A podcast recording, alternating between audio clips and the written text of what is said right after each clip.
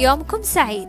معاكم ابتهال هلال من بودكاست الانبلاج حبيت أشارككم قراءاتي وآرائي حلقة اليوم بعنوان الامتنان كنز الحكماء من كتاب الرقص مع الحياة للمؤلف مهدي الموسوي. يذكر الكاتب قصة خرج رجل في سفر مع ابنه إلى مدينة بعيدة وكان معهما حمار وقد وضع عليه الأمتعة. وبينما هما يسيران كسرت ساق الحمار في منتصف الطريق. فقال الرجل ما حجبه الله كان أعظم. فأخذ كل منهما متاعه على ظهره وتابعا المسير. وبعد مدة جرحت قدم الرجل فما عاد يقدر على حمل شيء وأصبح يجر رجله جرا فقال الرجل ما حجبه الله كان أعظم. فتعجب الابن من كلام أبيه ولم يفهم مغزى ذلك فحمل متاعه ومتاع أبيه على ظهره وانطلقا يكملان المسير. وفي الطريق لدغت أو لدغت أفعى الابن فوقع أرضا وهو يتألم فقال الرجل ما حجبه الله كان أعظم. وهنا تذمر الابن وقال لأبيه هل هناك أعظم مما أصابنا؟ وواصلا المسير بصعوبة حتى وصلا إلى المدينة. فإذا بها وقد أصبحت أنقاضا جراء زلزال أبادها. فنظر الرجل إلى ابنه قائلا انظر يا ولدي لو لم يكن قد أصابنا ما أصابنا في رحلتنا لوصلنا مبكرين وأصابنا ما هو أعظم وكنا مع الهالكين.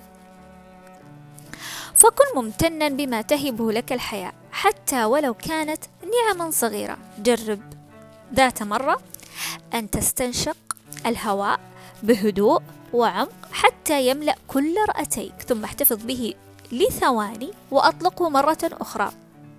وكرر ذلك مرارا وانظر لنفسك كيف أصبحت.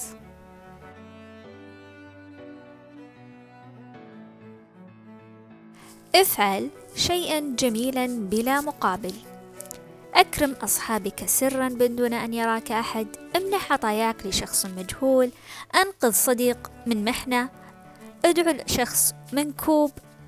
افعل شيئا بلا مقابل أبدا. افعل شيئا صافيا من أجل الآخرين. وسترى الألطاف الإلهية تحيط بك. وقد تنقذك من مآسي مهلكة.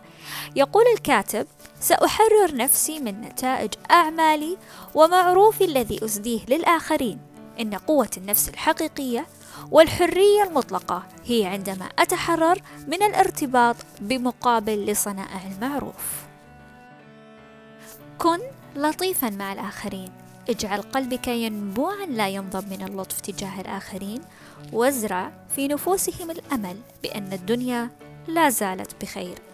اجعل اللطف طريقك إلى قلوب الناس بعيدا عن الشدة والقسوة عامل كل من تقابله في الحياة على أنه شخص مهم للغاية. عامل كل من تراه وكأنك سوف لن تراه مرة أخرى. وصلنا إلى نهاية البودكاست. يومكم سعيد.